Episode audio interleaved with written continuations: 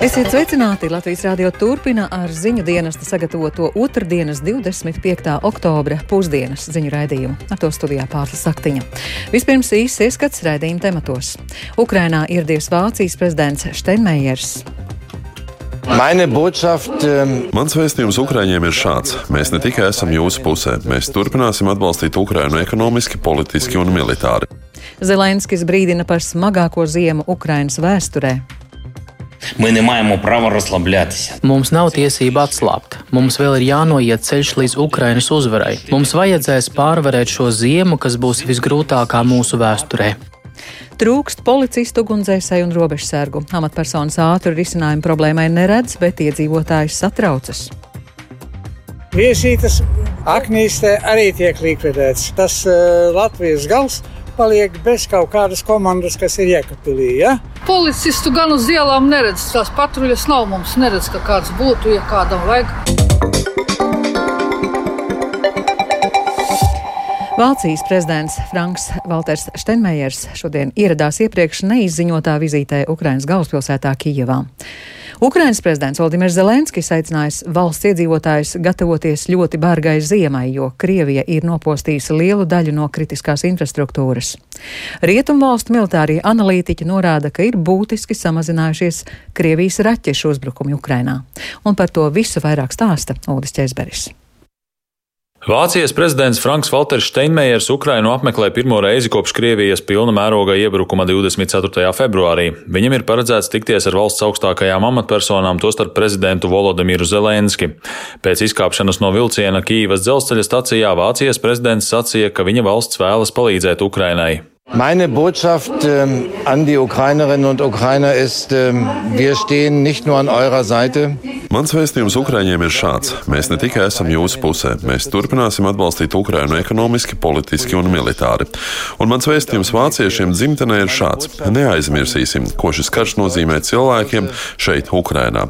Cik daudz ciešanu, cik daudz postījumu viņi ir pieredzējuši. Mēs esam vajadzīgi Ukrainas iedzīvotājiem. Un die Menschen in der Ukraine brauchen uns. Steinmeiers jau aprīlī vēlējās apmeklēt Kīvu kopā ar Polijas un Baltijas valstu prezidentiem, taču toreiz Ukrainas puse bez aplinkiem paziņoja, ka Vācijas prezidentu tur neviens negaida. Ukraiņu noraidošā attieksme bija saistīta ar Steinmeiera agrāko darbību Vācijas ārlietu ministra amatā, kad viņš centās īstenot draudzīgu politiku ar Krieviju un neieklausījās Austrum Eiropas valstu brīdinājumos par to, ka Krievija apdraud Eiropas drošību. Pēdējās nedēļās Krievija sistemātiski veids triecienus pa Ukrainas kritisko infrastruktūru, tāpēc daudz viet ir nopietni elektrības padeves traucējumi, kā arī nav pieejama apkure un siltais ūdens. Kopš 1. oktobra Krievija ir īstenojusi vismaz 51 uzbrukumu Ukrainas enerģētikas infrastruktūras objektiem, vēsta Ukrainas ģenerāla prokuratūra. Vakar vakarā uzrunā tautai prezidents Zelenskis brīdināja, ka gaidāmā ziema būs smagākā Ukrainas vēsturē. Ми не маємо права розслаблятися. Нам ще треба пройти шлях до української перемоги. Mums nav tiesība atslābt. Mums vēl ir jānoiet ceļš līdz Ukrainas uzvarai. Tas ir grūts ceļš. Mums vajadzēs pārvarēt šo ziemu, kas būs visgrūtākā mūsu vēsturē. Rudenī, ziemā un pavasarī būs jāpaveic darbs, lai sasniegtu valstī nepieciešamos rezultātus. Ir jāsaglabā maksimāla mūsu partneru mobilizācija cīņai par brīvību un nevar pieļaut, ka mūsu kopīgais ienaidnieks sašķeļ globālo demokrātisko koalīciju. Tas ir tas, ko darām mēs visi - ukraiņi, eiropieši un visi pasaules iedzīvotāji, kuri augstu vērtē brīvību. ASV Domnīca kara izpētes institūts savā jaunākajā ziņojumā norāda, ka pirmdien Krievija pa Ukrainas teritoriju, kas neatrodas frontes tūmā, izšāvusi tikai divas raķetes. Tas ir ievērojami mazāk nekā iepriekšējās dienās. Institūta analītiķi secina, ka tas liecina par Krievijas raķešu krājumu izbeigšanos, turklāt šādiem triecieniem nav gandrīz nekāds militārs efekts. Savukārt ziņu aģentūra Reuters, atsaucoties uz avotiem ASV valdībā, vēsta, ka Vašingtona izskata iespēju nosūtīt Ukrainai vidēja darbības rādījusa pretgaisa aizsardzības sistēmas HAVK, lai varētu atvairīt Krievijas raķetes un dronus.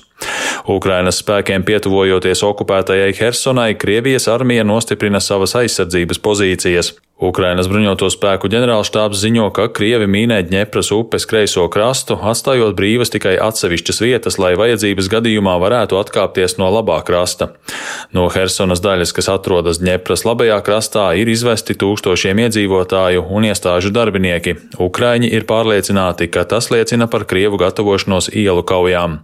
Uldis Česberis, Latvijas radio. Vācijas galvaspilsētā Berlīnē šodien notiek ekspertu konference par Ukrainas atkopšanos, rekonstrukciju un modernizāciju.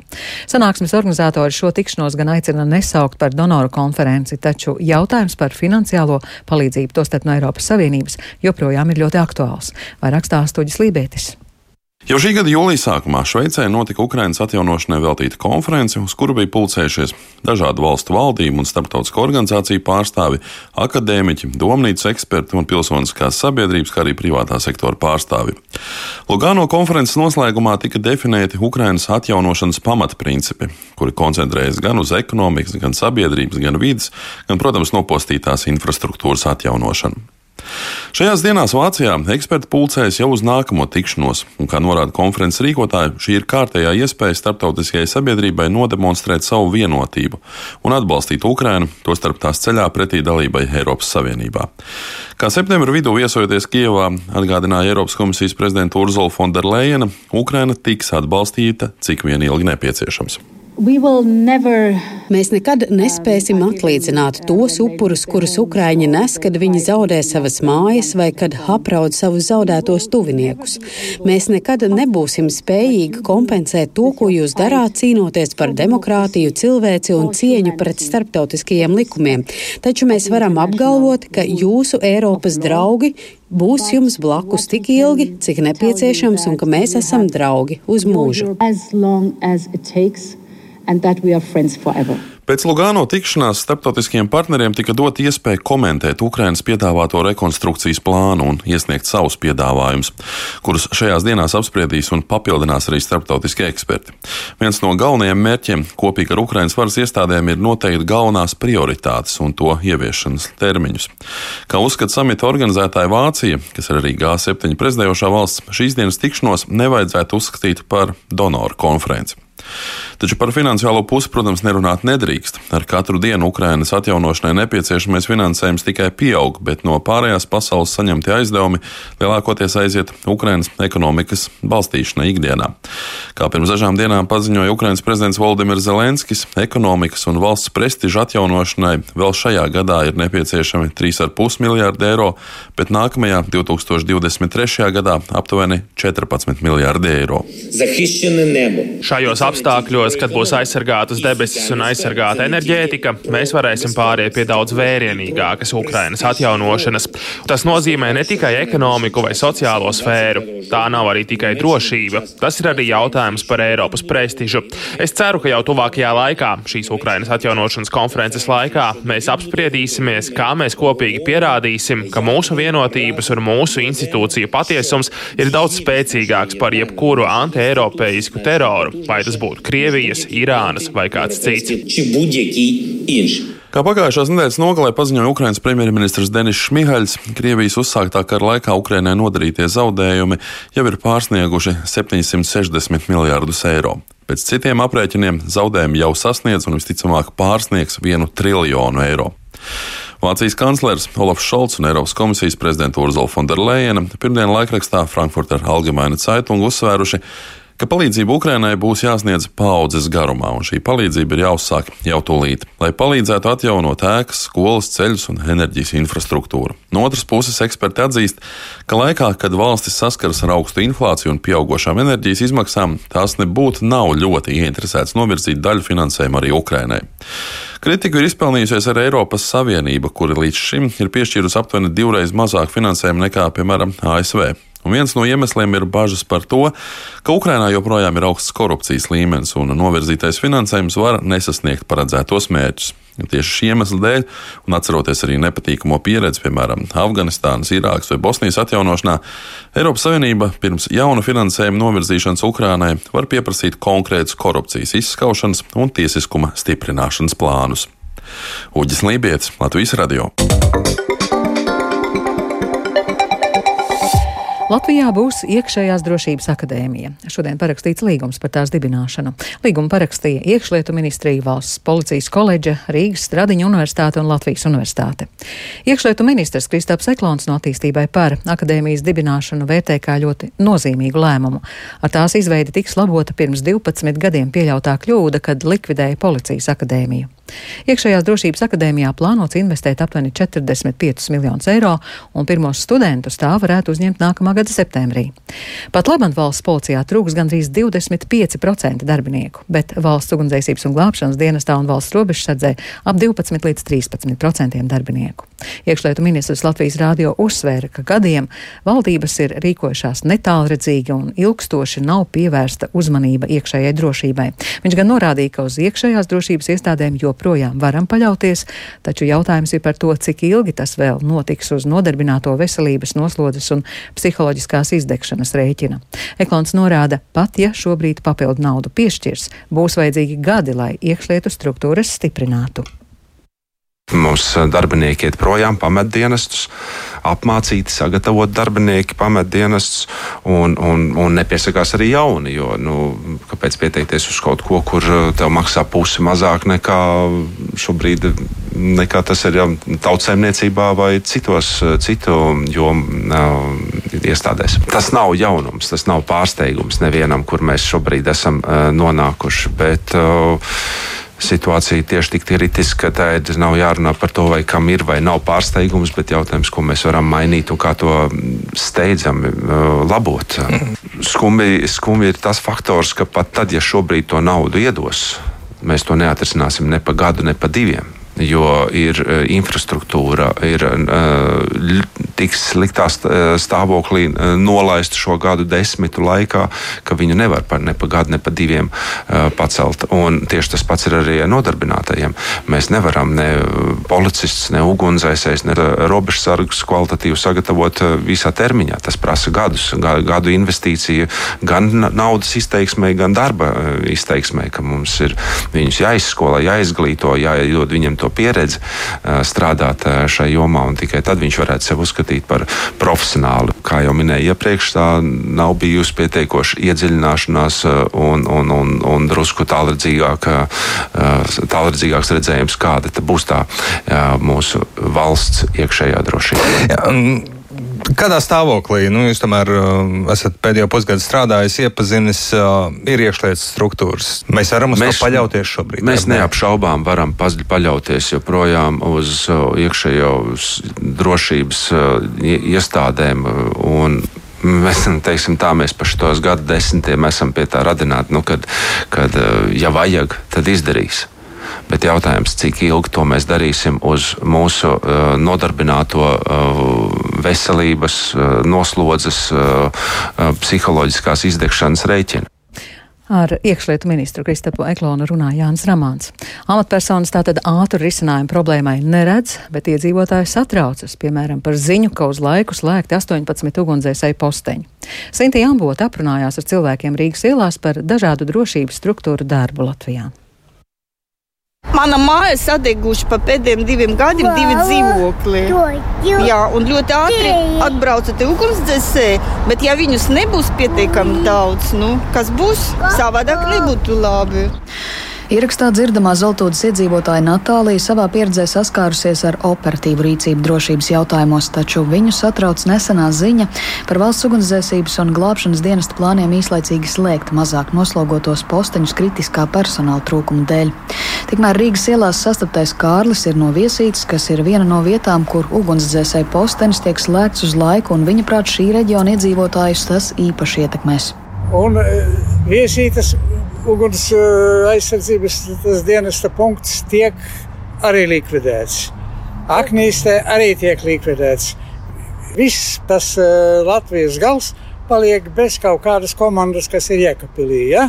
Tātad, ja līdz viesītē jābrauc ir uh, 40, 30 minūtes no Jēkabīlas, tad līdz Aknīstē tas jau būs stunda un vairāk. Tur viss būs nodedzis. Tā kā es domāju, aiz taupības pašreiz mēs varbūt pārsteidzamies pieņemt nopietnus lēmumus. Bet jūs kā iedzīvotāji tas dara bažīgi? Man dara tas bažīgi, jā. jā. Savukārt rīznieks Andris spriež, ka Rīgas iedzīvotāji ar valsts iekšējās vai ārējās drošības jautājumiem ikdienā saskaras un domā par tiem mazāk nekā reģionos, jo dažādu struktūru darbinieku pilsētā ir vairāk. Noteikti, ka, var, noteikti, ka bija visās problēmas, bet nu, šeit Rīgā cilvēks tā nejūt, ka varbūt tie cilvēki, kas dzīvo tuvāk robežai, varbūt to vajag sajūt vairāk. Nu. Tik dienā ir kaut kāda saskarsme, vai policija ar vugdu ir bijusi? Vai? Principā nav bieži nebijusi. Nu tad, bet ir tāda paļaušanās, ka. Nu, liela ticība nav Latvijas varas iestādēm, tāpēc es neteiktu, ka nu, nav arī tā, ka bailes ir. Vēl runājot tieši par policijas darbu, iedzīvotāja Ināra stāsta, ka ikdienā gan savā sētnieces darbā saskars ar dažādām situācijām, īpaši rudens un ziemas mēnešos, kad ielas ir tumšas. Viņa spriež, ka nepieciešams arī vairāk policijas patruļu, lai justos drošāk. Es jau ļoti sen strādāju. Un, ziniet, cilvēki jau ir visādi. Ir tādi laipni, un ir tādi, kas sola ķieģeli uz galvas uzbūvēt dažreiz visādi. Bet jūs kā pilsonis jūtaties droši, ka jūs varat kādu kārtības sargu izsaukt? Un... Policistu gan uz ielām neredz. Tās patruļas nav mums neredz, ka kāds būtu, ja kādam vajag Jā. kaut ko pasaukt. Nu, tad, tad ir jāzvana vienīgais. Nu. Dažreiz tādas bailīgas, īpaši, kad sniegu tīrīt, piemēram, no rīta tu piecos iznāc ļoti agri. Ja, tad, tad, tad, tad ir diezgan tā. Nu bailīgi. Neumulīgi. Neumulīgi Kā ir, varbūt esat dzirdējis arī ziņa, ka valsts ugunsdzēsības glābšanas dienests eh, var ciet 18 posteņus uz laiku, jo viņiem nav cilvēki, kas strādā. Nu, tas kā... arī īpaši nu, prieku neizraisa, tāpēc ka nu, viss jau var notikt. Sinti Ambota, Latvijas radio. Un par krīzi iekšlietu struktūrās šodien runās arī raidījumā Krustpunktā, un šīs temats pēc ziņām vienos.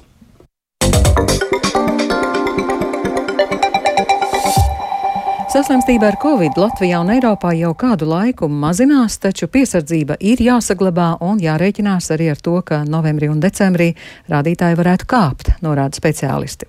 Līdz ar saslimstības mazināšanos arī neatliekamās medicīniskās palīdzības dienesta vadība uzsver, šobrīd covid vairs dienestam slodzi nerada, taču dažādu citu problēmu dēļ brigāžu pieejamība šajā rudenī ir pat zemāka nekā pērn.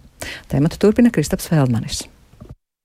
Latvijā un Eiropā jau vairākas nedēļas samazinās saslimstības ar covid-19 rādītāji. Slimību profilakses un kontrolas centra pārstāve Ilze Arāja gan uzsver, lūkojoties datos, atsevišķās pozīcijās redzami arī kāpumi. Bija vērojams arī samazinājums visās vecuma grupās pāris nedēļas arī iepriekš. Tomēr pagājušajā nedēļā dati liecina, ka vecuma grupā 10-19 gadi tomēr atkal vērojams neliels um, pacēlums. Attiecīgi, sākoties rudenim un laikapstākļiem kļūstot arī vēsākiem, jāatcerās galvenais, ka tātad ar saslimstības simptomiem paliekam mājās, nelaižam bērnus uz skolu, bērnu dārzu, sārstējamies Dati, kas rāda, ka šobrīd saslimstība ar covid-19 mazinās, ir iepriecinoši, bet liek uz tiem skatīties piesardzīgi. Tā šorīt Latvijas radio raidījumā Labrīt uzsvēra Rīgas Stradiņu Universitātes infektuoloģijas katedras profesore Mindra Zeltiņa.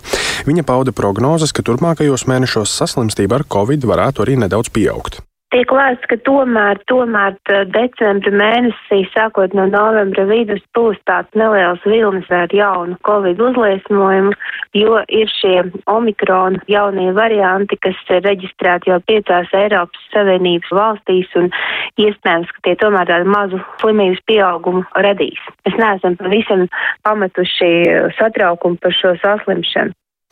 Zeltiņš uzsvēra, šobrīd saslimstība arī tiem, kuri covid infekciju saķēruši, kopumā ir vieglāka nekā pirms gada, un tas tādēļ, ka liela daļa sabiedrības ir vakcinējusies.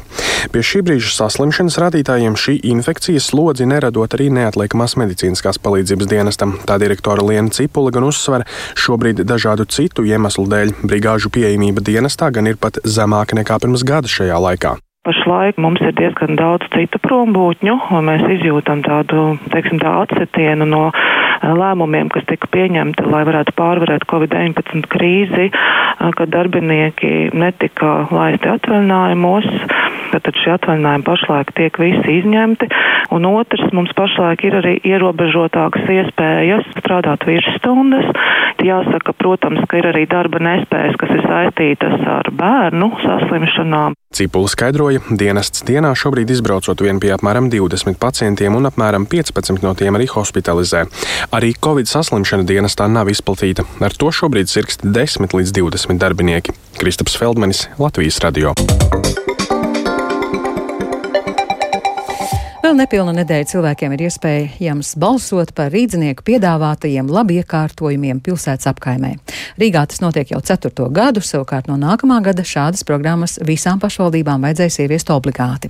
Šogad galvaspilsētas doma iedzīvotāju idejām kopumā atvēlējusi 700 tūkstoši eiro, un tas ir lielākais naudas apjoms, kāds šim projektam jebkad ir bijis. Liela aktivitāte ir no iedzīvotāju puses, nobalsojis rekordliels iedzīvotāju skaits - 28 tūkstoši.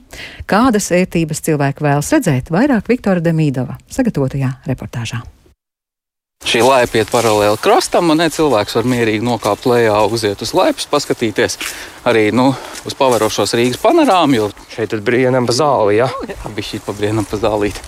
Kopā ar dzirciem un ilģuciem apkaimju biedrības valdes locekli Didzi Juško eju pa Nameja krastmalu, kas stiepjas gar Zunda kanālu. Tas atrodas starp Ķīpsalu un Daugavas kreiso krastu. Atpūtas vieta iecerēta pretim kādai ķieģeļu ēkai ar izsistiem logiem un pāris minūšu gājienā no mazās ūdens ielas virzienā uz Rīgas Tehnisko universitāti, kas atrodas pretējā krastā. Zuns ir tā kā apkaimes sākums. Līdz ko sāks attīstīt šo kanālu malu, Namē krastmalu, tad uh, arī tās blakus pieguļošās teritorijas, kas te ir šīs rūpnīcas, viņas sāks attīstīties.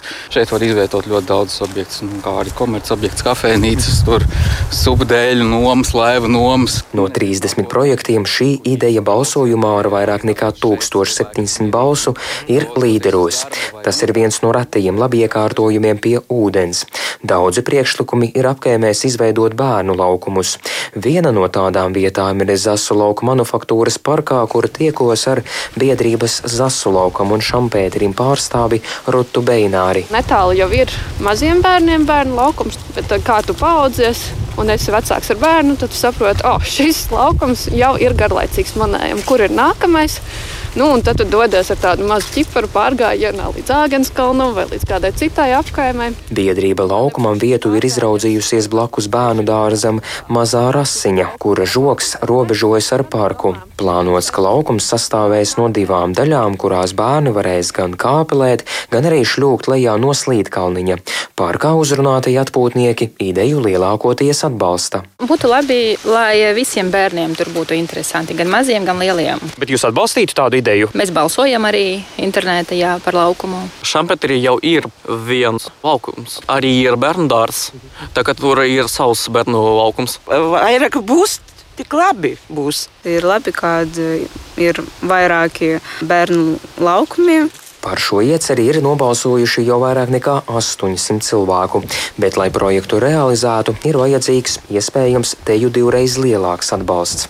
Šādu konkursu galvaspilsēta rīko jau ceturto gadu. Viens no iepriekš realizētajiem projektiem atrodas turpat parkā, kur pirms mēneša atklāja atjaunoto basketbolu laukumu ar taciņu.